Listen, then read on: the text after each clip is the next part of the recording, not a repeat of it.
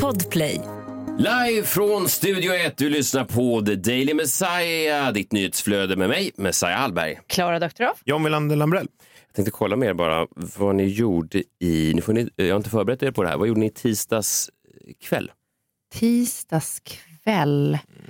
Ja, jag tror jag var på McDonalds. Du var på McDonalds, ja? Ja. John? Jag kollar Champions League tror jag. Kolla Champions League, ja. Just det, det var det. Det var lite intressant bara för att eh, världen höll ju tydligen på att eh, gå under. Vi höll ju på att kasta oss in i ett eh, k- krig i tisdags kväll. Utan att, eh, ja du då gick på. McDonalds och du eh, gick, gick på, vi, det påminns om det här som jag tog upp förut någon gång i podden att eh, Kafka, Frans Kafka skrev i sin dagbok den 2 augusti 1914, han skrev då Germany has declared war on Russia, went swimming in the afternoon. Punkt. Ja, för att jag hade lite eh, koll på det här då, för att eh, DN skrev i tisdags, eh, det här är en ingress då, eh, står Europa vid randen av ett krig? Ska man tro regeringarna i Kiev och Washington har Ryssland koncentrerat en truppstyrka på 175 000 soldater vid Ukrainas gränser. Otroligt mycket. Tisdagskvällens videomöte mellan USAs president och Rysslands Vladimir Putin kommer bli avgörande för hur krisen och kriget utvecklas. Så att, eh, eh, det är bara intressant att medan Ja. de satt där i något Skype-möte då i tisdags kväll och avgjorde huruvida Europa eventuellt skulle kastas in i ett krig, eh, peppar peppar, så var du på McDonalds och du såg Champions League och det är så livet är. Nu försökte jag se vad som hände i det här videomötet. Det var mest, först var det lite dålig uppkoppling såklart. Och sen gjorde de den här klassiska som alla gör i Skype-möten. Hello! Hallå! Wave, wave, hello. Fördröjning och... Can you, can you hear me? Nej, men inget, inget krig som vi vet. Vi är Nej. fortfarande förstår. kvar. Men en grej som jag funderar med det är så här. Vill, vill vi verkligen rädda Ukraina från ryssarna? menar du? Alltså, det, Om det är värt det? Är det landet som det är värt att skydda? Eller Jaha. är det liksom bara en symbolpolitik? Jag, säga? För jag tänker att typ Ukraina verkar inte vara toppenland ändå. Jo, jag har en vän som nyligen var där och han sa att kvinnorna är oerhört vackra. Alltså, då kände han att det var värt att stödja. jag tror han vill rädda. Det bra. säger väl ingenting om deras rättigheter? Jo, men- Nej, men jag bara- fan, du, jag tycker man ska lyssna på Bingo mer sådana här frågor. De har rättigheter att vara snygg. Bingo går till krig. Bingo dyker upp i Kiev med bara en sån stridshjälm och såna, såna stringkallingar. Äh, var ska vi köra grabbar?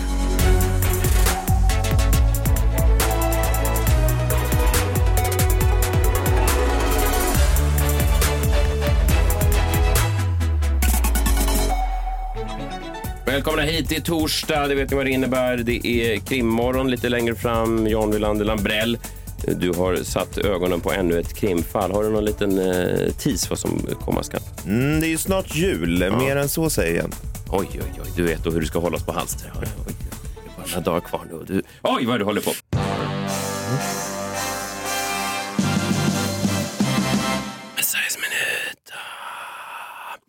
Jag var lite sen på det, eh, men eh, igår då så såg jag eh, Succession-avsnittet, HBO-serien Succession, alltså avsnittet som kom föregående vecka, inte det som då gick nu i måndags, utan Nej. det som kom innan. Det som var episod 7, säsong 3, som heter Too Much Birthday. Har ni sett Ja, det? just det, när han fyller år och har kalas. Kendall Roy, då sonen till mediakungen, han eh, firar då sin 40-årsdag Just och det. hela avsnittet går ju då ut på att eh, ja, det här, man får följa då uppgången, planeringen och sen då det stundade fallet för, eh, för, för den här festen, för det går inte riktigt så som man har tänkt Det sig. är så mörkt. Ja, ja, verkligen. Vi kan lyssna på ett eh, klipp här eh, hur avsnittet börjar. Han står och pratar med sin eh, party planner. För han har ju pengar, va, Kendall?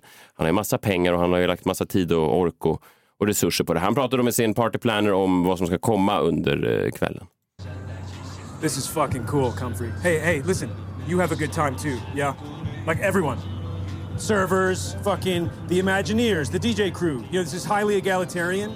Like, do your job, but fucking get your drink on, get your buzz on. There's no boundaries if you're cool. Mission control out. Shit is about to pop off. Party! Oh. It's my birthday! Fuck you! Ah, det! Det är så pinsamt! Ja, fast det är än, Fan. än så länge Ja, man vill ju gå på Än så festen. länge är det inte pinsamt. Candle Roy, alltså fram tills egentligen eh, slutet på det här avsnittet så kände jag ju att Candle Roy är en, min absolut värsta personlighetstyp. I, alltså man har träffat den där typen av kille. Riktigt osäker människa. Mm. Fast, Men, fast, ehm, fast han framstår väl ändå som den mest likable av... Hej du, det tycker jag inte. vem- Vem tycker du då? Men jag tycker inte Greg? om någon. Ma- Ja, men Greg är ju en jävla alltså pushover, det, det är en riktig jävla fjant. Eh, det här var ju då första gången egentligen den här säsongen som Succession levde upp till sitt rykte. Eh, säsong två var ju storartad, säsong ett var fantastisk. Säsong tre har ju lite levt på gamla meriter om man ska vara helt ärlig. Det har ju faktiskt inte Ja. hänt någonting egentligen under de första sex avsnitten. Det var ju något avsnitt som, de är, det är spännande, karaktärerna är ju väldigt väl underbyggda och sådär. Men det här avsnittet var ju mestlig tv, kanske den bästa eh, timmen tv som har producerats i, i år.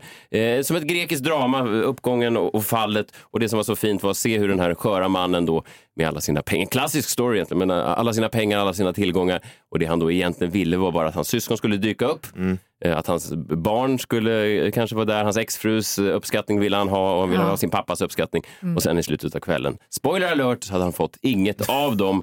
och det finns ju en väldigt fin scen då han får höra att, eh, att hans barn har skickat en present och han då dyker berusad in i det här havet av paket från människor som han knappt känner som har skickat massa dyra presenter. Men han letar bara då efter ett, speciellt paket från sina barn och hittar inte det. Och sen så, ja, det, det är vä- väldigt starkt. Nu har jag ju spoilat avsnittet men se det ändå. Men det här påminner mig lite om eh, min gårdagskväll. För jag såg det här avsnittet då samma dag som jag då hade min eh, Stockholmsavslutning av scener ur ett äktenskap. Min show på eh, Rival i Stockholm. Ja. Och det närmsta jag kommer, jag har ju väldigt sällan så här stora fester när jag fyller år, men eh, just när man har så här lite stora eh, standup-shower och sådär och man är i sin hemstad så blir det ju lite speciellt när man vet att det är vänner i, publiken och sådär. Så att det var väldigt fint att ni båda eh, eh, var där. Ja, Det var en väldigt bra show. otroligt. Verkligen. Tack, tack. Nu, Synd om de som, som har missat den, för nu är den ju slut. Ja. Ja, Uppsala på boka söndag. Uppsala också. Just det. Just det, men så får de boka nästa turné då. Ja, men det var, bara- det var bara fint för att eh, jag, jag kunde känna, eh, man känner sig lite som Kendall här innan en show, man står så woo, woo, och så tänker man, Fuck you! och så tänker man att det är sorgligt, för jag tycker om de andra människorna som också är i publiken. Ja. Men det är ju något speciellt med folk som man eh, faktiskt eh, bryr sig om, som s- sitter och tittar. Så det var fint. Och eh, det är ju många så här komiker som gör såna här fina grejer. Liksom. Till exempel eh, Östnöjen köpte ju upp, eh, eller om det var Måns som köpte upp, jag vet inte, de brukar köpa upp varandras. Eh, när de släpper sina soloshower så brukar de köpa upp liksom, de första kanske tre, fyra raderna på Cirkus eller någonting. Jaha. Bara för att, så, som, och så säger jag köpt de här och så bjuder jag mina vänner. Som en fin gest liksom. Försöker du säga någonting till oss nu? Nej, verkligen inte. Och John har ju faktiskt sett den här showen nu flera gånger. Och, eh, Hur mycket har han betalt för det? nej, han är inte, men han har... Nej, inte i pengar kanske Du har, inte betalt, du, har, du har krävt att få gratis, gå gratis inte, krä- varje inte, gång. inte krävt, inte krävt. Krävt var kanske att ta i Ja, då. krävt är så. Mm. Ja. Det var kul också. Men jag att- bjuder på drinkar efteråt. Ja, det är sant. Ah. Och eh, det var också kul att dina eh, föräldrar kunde komma igår. Ja, verkligen. Det var, det var väldigt snällt. Eh, De hälsar och tackar och de hade det de jättekul. betalade inte heller. De betalade. Så det var kul att din... Eh, Ja, men det var väldigt roligt. det Nej, var men de kul. sa att det ska bli så kul att se han Daniel Hallberg från tv.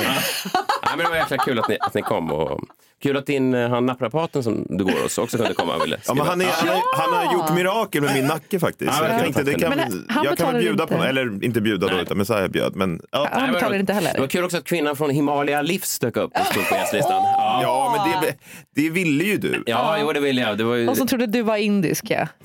Jag trodde och trodde. Jag alltså antog. Ja, jag ville bara eh, eh, tacka er, eh, John och Klara och dina föräldrar och din naprapat och kvinnan från Himalaya Livs. För att ni är närvarande och, och gjorde att min, min slutshow i Stockholm blev inte som avsnitt sju, säsong tre av Succession, utan det blev eh, mysigt och jag kände mig uppskattad. Ja, Ja. vad bra. Det var, tack för biljetterna. Var det lilla.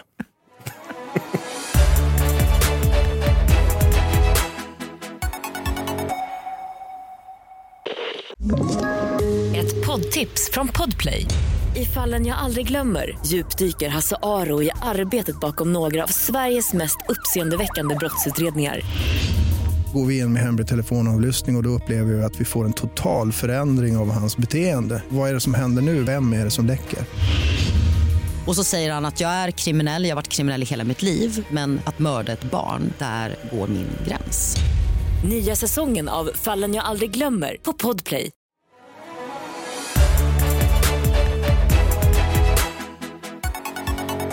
Jag har ju pratat om det här eh, med er förut. Jag är så otroligt trött på Will Smith eh, och att läsa om Will Smith. Mm. För i mitt flöde, på min Instagram till exempel, så dyker han upp nästan varje dag. Eh, på olika liksom, eh, nyhetssajter som jag följer. Han och hans fru Jada Pinkett Smith, de rapporteras det om liksom, konstant. Ja, och vi har ju, jag recenserade ju, eller jag recenserade de första 13 sidorna eller någonting. Han är aktuell nu, han har ju släppt sin självbiografi här i eh, november, december. Ja. Så att det är mycket, jag tänker mig att de tar mycket liksom, bits från den han pratar om det där. Ja, Men jag tycker, det sjuka är att jag tycker att det här började långt tidigare. Alltså Ja. Det började liksom typ redan för ett år sedan. Ja. Och att det bara är Will Smith överallt. Eh, Och jag har tröttnat på det och det är jag inte ensam om. För att jag ser nu att det finns en petition, en slags namninsamling då, som eh, kräver då att, att man ska sluta rapportera och intervjua eh, Will Smith och Jada Pinkett Smith. Och den har liksom över 18 000 underskrifter. Wow! Över 18 Det är 000. en viktig namninsamling då. Alltså, Ja, verkligen. Och någon skrev eh, så här då i namninsamlingen, jag var inne och kollade. Everything I learn about this couple is against my will. Free us. Ja, så känner jag också. Men, Ja. eh, Vad det- skriver man under? Ja, ja, det kan du göra på den där petition.org eller vad det är. Eh, Men det, det fick mig att tänka på att det finns ju några sån här i Sverige också som jag är otroligt trött på att läsa. Just, eh, just par då? Nej, Nej, men, men det kan vara kändis, okej, ja, ja, ja. kändisar eller par. Men här, jag, framförallt kändisar. Mm. Eh, och då så, på plats nummer tre, jag ska lista dem här nu. På plats nummer tre så har vi såklart Bianca Ingrosso. Ja, ja, ja. För att jag känner nu att jag orkar inte eh, bry mig mer. Och såg ni nu typ, eh, Chanel har ju också släppt en julkalender. Jaha. Ja, Henne är man ju jävligt trött på att läsa. Coco Chanel. Chanel, fy fan. Inte ett ord till orkar jag höra. Jag läste att Chanels julkalender kostade 7300 kronor och i en lucka så var det klistermärken. Alltså det, det, det, var inte arg liksom på de här eh, varumärkena. Bara släpp det, släpp Bianca. Låt henne leva sitt jävla liv i sin fantastiska våning och sitt hus i Spanien. Det är väl kul för henne. Så känner jag. Okej, på plats nummer två då. Där har vi ju Soldoktorn. Såklart. Soldoktorn. Mikael Ja. Sandström. Mikael Sandström. Jag Ja. älskar Dr. Mikael och eh, jag kan säga att det var ju inte oknullig stämning när vi tävlade ihop i Alla mot alla. Det var väldigt knullig stämning. Mellan... Mellan mig, mellan mig och Dr. Mikael. Oj. Men han var ju inte ihop med Lotta då. Nej, nej, Tyvärr nej. så var jag ju gift. Ja, du var ihop med Kjell, Ja, ja. just det. Ja. Men Men hade, hade jag inte varit ihop med Kjell, Då kunde det varit du som var så att säga nya Lotta. ja. Ja, Klara- nej, nej, Klara på då, Liseberg. då, då hade jag absolut velat sett honom med ett par riktigt härliga lederchaps. Mm. Ja. ja, men han har någonting där. Ja, det, jag det finns något där. Fast då låter det inte som att du tröttnar på honom. Nej, Nej, jag men jag orkar inte läsa om hans jävla Du är weekendplaner. svartsjuk. Ja, du är bara svartsjuk ju. Nej, men jag bara så här, låt dem leva bara, låt dem ha sin grej. Liksom. Jag, jag, bara känner det för mycket. Men på plats nummer ett då. Och det här, Alltså, eh, Sverige är världens mest eh, omskrivna i onödan Ja. kända version just nu. Sveriges Will Smith och Jada Pinkett. Sveriges Will Smith. Mm. Då är det då bloggaren Dagny Karlsson. Hon som är 100 år gammal. Jag var 109 kanske. Åh med. herregud. Men Tycker du inte... Du, Du inte henne rubriken här på livets slutskede. Nej men vet ni vad jag känner? Nej. Jag känner så här varje gång jag får en flash från det här Newsner eller vad det heter. Som jag aldrig har anmält mig till. Jag vet inte varför de kommer upp. Flash. Och så är det så här Dagny, så här firar jag jul. Eller familjen om Dagnys julplaner. Eller det. Och jag känner att jag tappar anden för en sekund. Alltså, jag, jag, liksom, hjärtat står still. Jaha, För jag tänker att ah, Dagny är ju way overdue. Det är dags snart. just det. Och vi, vi går bara egentligen allihopa och bara väntar på det. Att det ska hända. Att döden, döden har gått vid hennes sida väldigt länge nu. Mm. Och, och jag känner att jag blir liksom lite för påmind om livets förgänglighet när jag läser om Dagny. Okej, så du får, ingen, du får inget hopp om livet som kanske många människor får. Att man Ja. tänker, vad härligt att någon i den åldern ändå har kvar... Kanske. Det finns en chans för mig att leva länge också. Ja, men vill man det då? Jag vet inte. Ja, de flesta vill nog det tror jag. De flesta vill nog leva snarare än att dö. Jag vet inte vad du har för konstiga... Men jag, tror jag vill leva, att man, inte dö. Jag tror inte att man dör. Så därför så, så, så känner jag att liksom, men, men, Ja. livet här och nu. Jag bara Ja. känner att det blir, blir för påmind om för, förgängligheten där. Ja. Så Dagny, nej. Så- Sluta rapportera om Dagny. Så Sveriges Will och Jada Pinkett Smith Det är den är, 109 åriga det Dagny är 100 Karlsson. procent Dagny Karlsson och ni vet att jag har rätt. Ni vet det. Ni vet det. Ja, Så länge inte hon håller på att ha någon sån YouTube-serie där hon berättar att de har, hon har en öppen relation också. Det kan ju bli obehagligt. Just det. Varför skulle det vara obehagligt för? Vadå, äldre människor knullar väl också? Ja, fast det vill man inte veta. Så mycket. Min mormor gjorde det ända, ända Tack, in i kistan. Ända in i kistan. Ja. Hon begravde med sin morfar. Det går inte att stänga kistlocket. Nej, det är fortfarande erigerad. Bara på Gotland.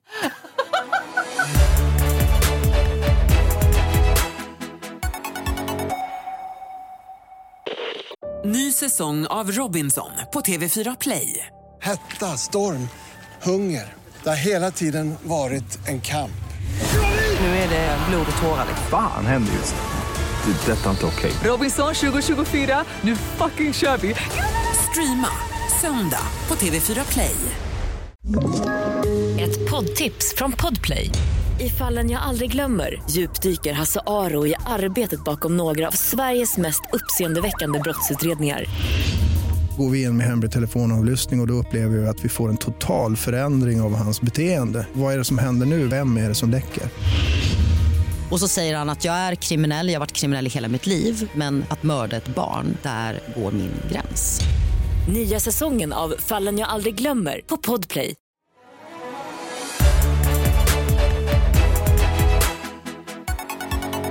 Varje torsdag här i eh, TDM så har eh, John Wilander Lambrell eh, satt span på ett krimfall. Har det gjorts även denna torsdag? Det har jag gjort. Krimmorgon.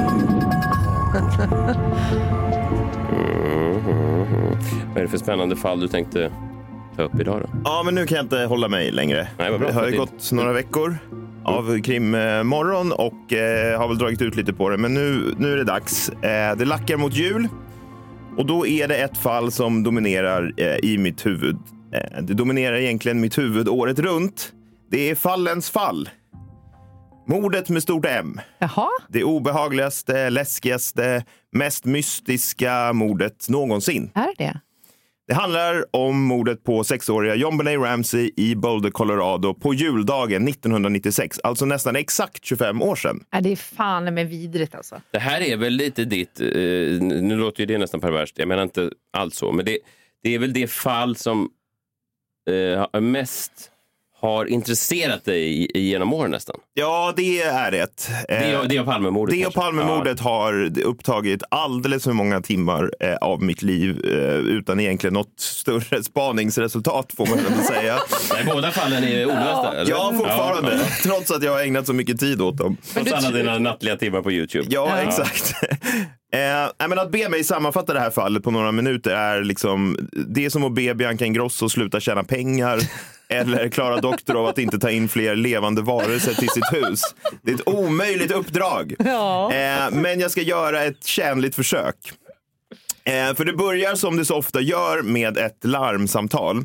Eh, klockan är strax innan sex på annandag julsmorgonen när larmcentralen får ett samtal av John Benet Ramseys mamma Patsy Ramsey. 911 emergency.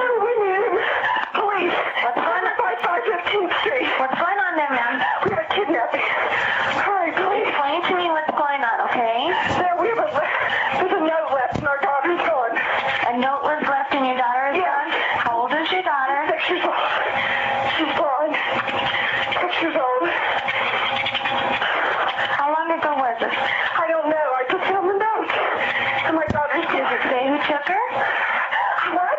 Does it say who took her? I don't know. It's, there's, a, there's a ransom note here. It's a ransom note? It says FBTC. Victory. Please. Okay, what's your name? Are you Kathy Ramsey? I'm the mother. Oh my God. Please. I'm, okay, I'm sending an officer over, okay? Do you know how long she's been gone? No, I don't. Please, we just got out and she's right here. Oh my God, please. Okay, well, there's somebody. I am, honey. Please. Take a deep breath, please, okay? Hurry, hurry, hurry. Patsy, Patsy, Patsy, Patsy. Det här var larmsamtalet då och det är ju efter att eh, mamma Patsy Ramsey har kommit ner i köket eh, på morgonen och då hävdat att hon har hittat det här brevet. Ja. Och att hennes dotter John Benet är borta. Hon är inte i sin säng på sitt sovrum. Fruktansvärd panik ju. Jag Ja. kände lite som panik häromdagen när jag inte hittade katten. Men den var i Låg en... det något kidnappningsbrev? Nej, det var ju inte det. Men jag, jag fick panik bara av det. Jag hittade den till slut i en stövel. Men, men jag förstår mamman här. Alltså, det är det värsta man kan vara med om. Ja, Det är ju, ja, men precis som fallet med Madeleine så är det ju den där mardrömmen som man, jag tror att alla föräldrar tänkt någon gång man tänker så här, gud, tänk vad sjukt det skulle vara. Man går och känner på dörren så här, ja. det är bäst att den låser, ingen kommer in och tar mina barn. Men man Ja. tänker ju inte någonstans att det ändå kan hända. Nej, nej. Men när det, sen när det verkligen händer förstår man ju panik. Ja, och man Ja. kan ju säga att både paniken och mardrömmen ska bli ännu värre. För polisen kommer dit direkt då såklart. Eh, familjen Ramsey är mycket förmögen. Pappans företag John Ramsey är värderat till eh, en miljard. Oj. Och eh, alla i staden vet vilka de är. Det här var ju en, en liten stad, Boulder. Eh, Ja, fan, jag har varit i Boulder två gånger. Okej, Ehm, vad tyckte du? Jag älskar Boulder. Det är liksom ett perfekt ställe där fri, eh, friluftsliv möter hippieliv. Så de är liksom väldigt demokratiska i Boulder. Mm. Och de är f- antingen jättesportiga eller jättepåryckta. Härligt. Ja, men de här var nog inte pårökta i alla fall, utan de, eller hippies, utan det här, den här familjen, han hade dataföretag och de var jätteförmögna. I alla fall, på plats så får polisen se det här kidnappningsbrevet som någon har lämnat. Och än idag så liknar det ingenting som någon polis, eller någon annan för den delen, har sett. Nej. Det är nämligen nästan tre sidor långt och skrivet på ett block som ligger i köket, eh, som tillhör familjen då. Eh, och att skriva det här brevet tar cirka sju minuter. Men det är ju en galning verkligen. Ja, men den här personen som har skrivit det har tagit god tid på sig att skriva. Eh, jag kan inte läsa hela det här brevet för att det är alldeles för långt. Man kan ju googla det. Men jag läser eh, några utdrag ur det så man bara får en känsla för vad det här är. Då står det så här. Mr Ramsey, listen carefully. We are a group of individuals that represent a small foreign faction. We respect your business but not the country that it serves. At this time we have your daughter in our possession. She is safe and unharmed, and if you want her to see 1997, you must follow our instructions to the letter. You will withdraw $118,000 from your account. When you get home, you will put the money in a brown paper bag. I will call you between 8 and 10 a.m. tomorrow to instruct you on delivery. Any deviation of my instructions will result in the immediate execution of your daughter. The two gentlemen watching over your daughter do not particularly like you, so I advise you not to provoke them. Speaking to anyone about your situation will result in your daughter being beheaded. If we Oj, catch you talking to a stray dog, she dies. If you alert bank authorities, she dies. If the money is in any way marked or tampered with, she dies. You stand a 99% chance of killing your daughter if you try to outsmart us. Follow our instructions and you stand a 100% chance of getting her back. Don't try to grow a brain, John. You are not the only fat cat around, so don't think that killing will be difficult. Don't underestimate us, John. Use that good southern common sense of yours. It is up to you now, John. Victory! SBTC. SBTC, vad är vad det signerat? Och så? Ja, det är signerat. Det sista som står är alltså Victory! Utropstecken och SBTC. Och det här har man ju liksom spekulerat kring. Vad fan betyder det? då? Vadå Ah. SBTC? Alltså bara fyra bokstäver då? Ja. Som, någon som, en, som, en- som en, ett sigill, en sista signatur? Ja, exakt. Ja, ja. Eh, väldigt märkligt. Eh, det var brevet alltså. Och det är ju så mycket i det här eh, som är konstigt då. Framförallt kanske summan, 118 000 dollar. Det är en ganska märklig summa att be om. Väldigt specifik. Väldigt specifik och nästan ännu mer så jävla låg. Alltså den här pappan är alltså värd en miljard. Just det. Och han ber om 118, det är ju knappt en miljon kronor. Nej. Liksom. Eh, men det som framkommer då, det var ju att 118 000 dollar var pappans exakta julbonus det här året. Det låg en, Där är ju någonting. det låg en check hemma på hans skrivbord bland annat med den summan då som han fått från sitt företag. Och vissa har också påpekat att det var 118 000 dollar var också den exakta omväxlingskursen för en miljon pesos vid den tidpunkten, alltså mexikanska pengar. Så det spekuleras lite om, om det hade någonting att göra. Och- Mexikospåret. Ja, precis. Det är ju framförallt melloartisten Alvaro Estrellas teori, eh, så jag, jag vet inte riktigt. Eh, men under den här morgonen då så väntar alla på att någon ska höra av sig, som det står i brevet, men ingen ringer. Familjens vänner kommer dit, en präst är där, massa poliser springer fram och tillbaka. Det finns liksom inga uppenbara tecken på att någon har brutit sig in eller så. Och det är inte förrän klockan 12, sex timmar efter larmsamtalet, som en polis på plats, Linda Arndt, ber John Ramsey, pappan, och hans vän att söka igenom huset en gång till. Ni hör ju vad det är för nivå på poliserna här. Alltså, de söker inte igenom huset själva eller spärrar av, utan de är pappan göra det. De hade alltså aldrig utrett ett mord, aldrig en kidnappning. Det skedde nästan inga brott i Boulder vid den här tiden. Det är som om årets Bachelorette-killar skulle utreda var omikron-mutationen härstammar ifrån. Jag tror att det skulle gå fel. Nej, man ska inte lita på dem. eh, Nej, nej, men det- först. inte Eller dem. hur? Nej. Eh, Men när pappan söker ju igenom huset en gång till så bestämmer han sig för att titta i ett litet pannrum längst ner i källaren där han inte har tittat första gången. Och där ligger John. Hon har ett snöre hårt åtsatt kring halsen, te- te- tejp för munnen och hon ligger ovanpå en filt. Eh, Lille vännen. Pappan bär upp henne till vardagsrummet och lägger ner henne på golvet och polisen konstaterar snabbt att hon är död. Eh, rättsläkaren slår sen fast dödsorsaken till strypning och kraniocerebral trauma, eh, det vill säga hon har blivit slagen i huvudet med något trubbigt och eh, strypt. Då.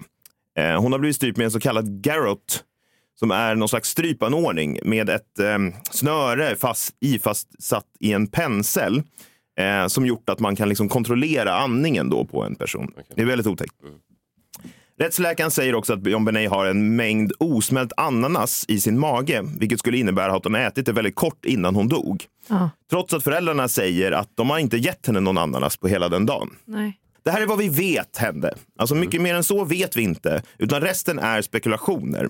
Och spekulerats har det gjort, minst sagt. Och det börjar egentligen redan från början, men två år senare intervjuas den här Linda Arndt som var polisen på plats när man hittade John Benet.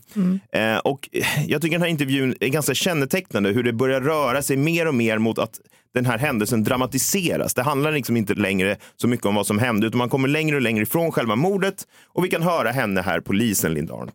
And I see John Ramsey carrying Jean Bonnet up the last three steps from the basement. And, um, and my mind exploded. And everything that I had noted that morning that stuck out instantly made sense. And Jean Bonnet was clearly dead, and she's been dead for a while. I ordered him to put Jean Bonnet down. I knelt next to her and I leaned down to her face. And John leaned down opposite me, and um, his face was just inches from mine. And we had a nonverbal exchange that I will never forget. And he asked if she was dead. And I said, Yes, she's dead. And I told him to go back to the room and to dial 911. And as we looked at each other, I remember, and I wore a shoulder holster, tucking my gun right next to me and consciously counting, I've got 18 bullets. Why did you do that? Because I didn't know if we'd all be alive when people showed up. I said everything made sense in that instance. And uh, I knew what happened.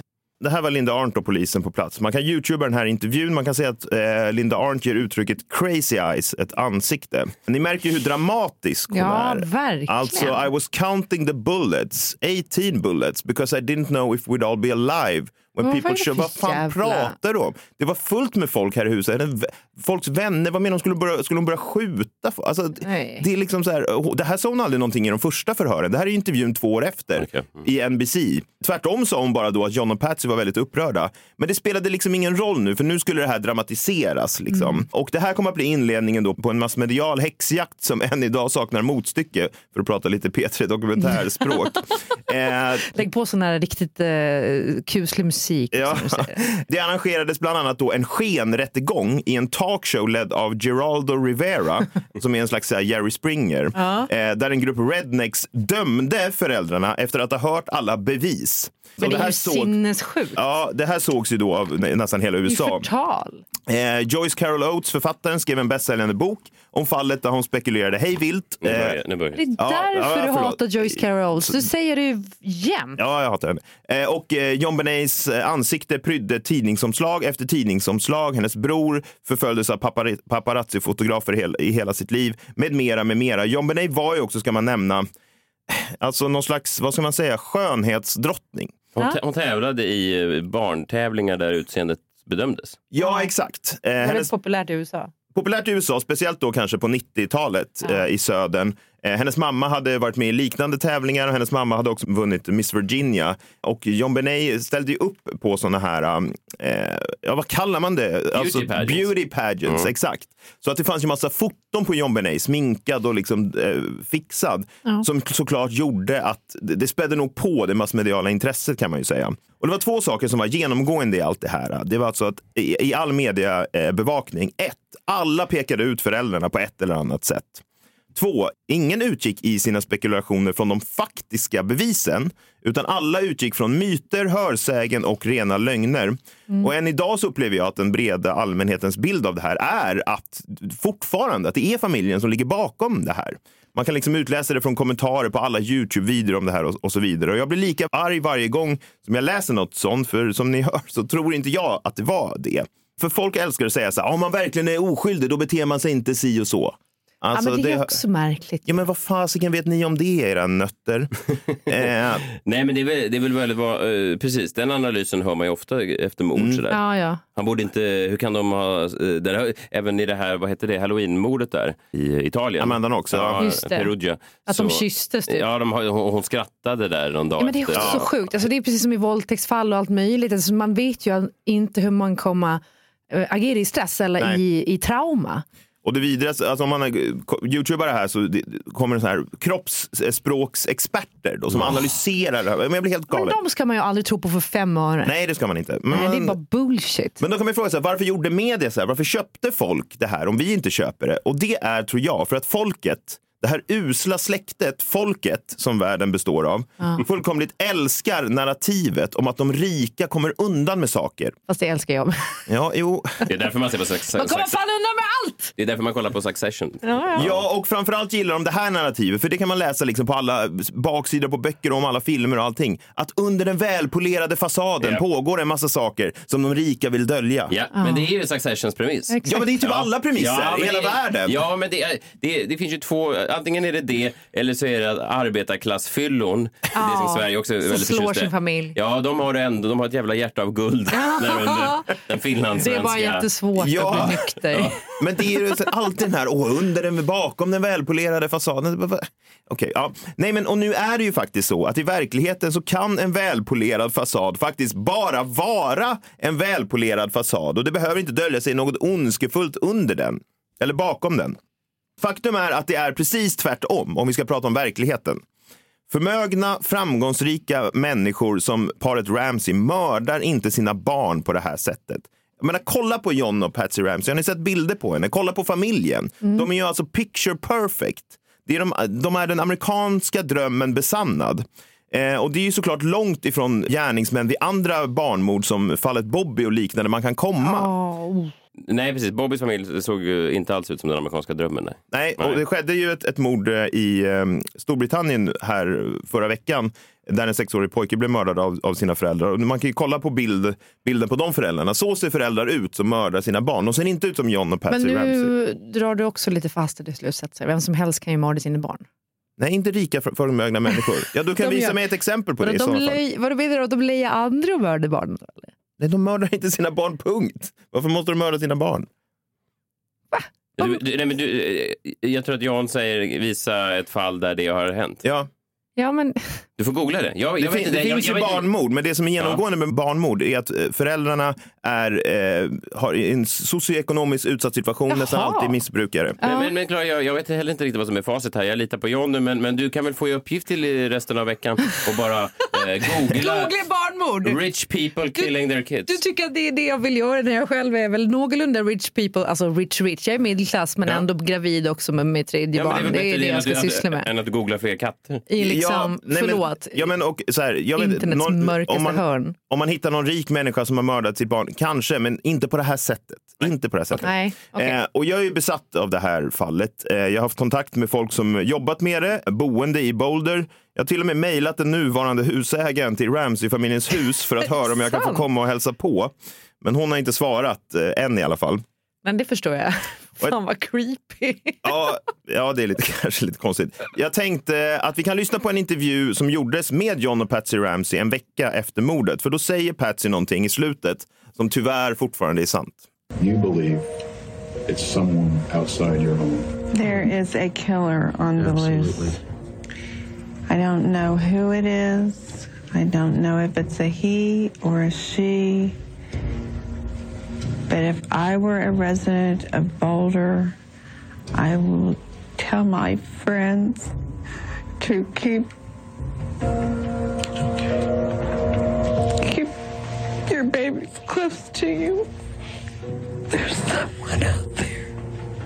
Så här pratar hon ju inte vanligtvis, utan hon måste ju vara helt drogad här. Hon, hon sluddrar ju nästan. Men det förstår man ju också att hon är. Det hade jag också varit om mitt barn hade blivit mördad. Ja, det tro- trodde inte folket då, utan de tänkte här är det något skumt på gång. Och trots att det är nästan exakt 25 år sedan Patsy Ramsey sa det här så är det ju fortfarande sant. There's someone out there. Patsy har sedan dess tyvärr dött i cancer, men John Ramsey lever fortfarande och eh, han har inte gett upp sökandet eh, efter sin dotters mördare. Och än idag är ju fallet eh, olöst. Så vitt jag förstår pågår ingen aktiv utredning eftersom man hos polisen verkar anse att det här redan är löst. Inget har i alla fall hänt eh, sedan dess. Men vem var det då som mördade John Benet? Hur kan den här personen ha tagit sig in i huset obemärkt? Hur kan han ha fört ner John Benet från hennes sovrum till källaren utan att hon skrek?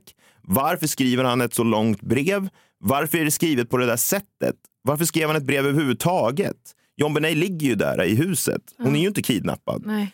Varför riktade det sig bara till pappan John? Ingen annan är ju ens omnämnd. Och hur var det med den där ananasen? Vem gav John Benet den?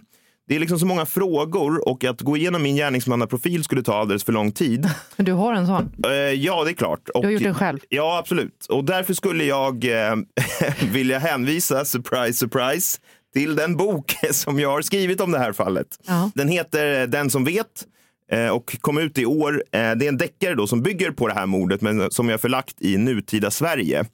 Eh, och istället för att det är en skönhetsdrottning som blir mördad då så är det ett influencerbarn och lite sådana där skillnader. Och till skillnad från så många andra så ville jag ta avstamp i bevisen.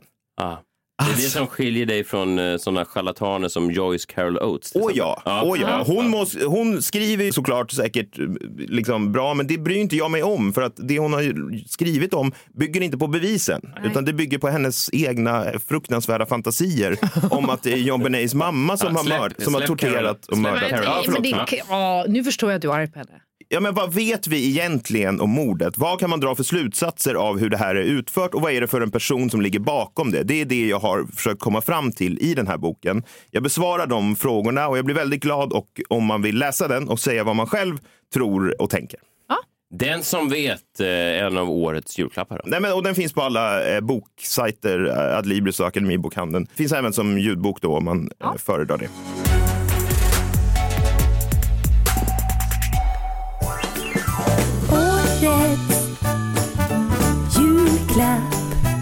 Historiskt. Ja, men jag ska ju ha årets julklapp även idag Mm. såklart. Mm. Och jag hade tänkt att jag skulle tipsa om årets julklapp 1999. Vad var det då? då? Det var ju boken såklart. Det var boken? Ja, det var boken. Eh, och jag har med mig här då min favoritbok av alla böcker någonsin. 100 år av ensamhet av eh, Gabriel Garcia Marquez som också fick Nobelpriset i litteratur 1982. Men istället för att vi går in på den här boken som jag tycker att ni alla borde läsa och den finns nu också en ny översättning av Lina Wolf så tycker jag att ni ska köpa Den som vet av författaren John Wilander Lambrell. Det är perfekt. Det var den han precis eh, var inne på. Ja, det är den enda jag skrivit. Så, ja, vad roligt. Så, så den tycker jag att ni ska köpa som eh, årets julklapp även i år. Fint. Så, och, och slutligen då, rekommenderar du eh, boken som julklapp? du gillar konceptet boken? Men vad fan, det är väl klart att jag gör. Ja, vad bra! Där har vi det. Årets julklapp. Historiskt. Ja.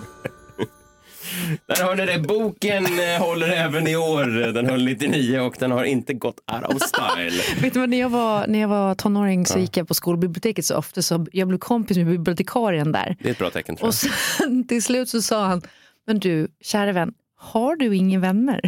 Och så tänkte jag, men jag har ju dig. Ja, det är sant. Och mina Jaha, böcker. bibliotekarien. Ja. Ja, fint. han var en väldigt gullig Ja, bibliotekarie. verkligen. men jag läste alltid hela det skolbiblioteket.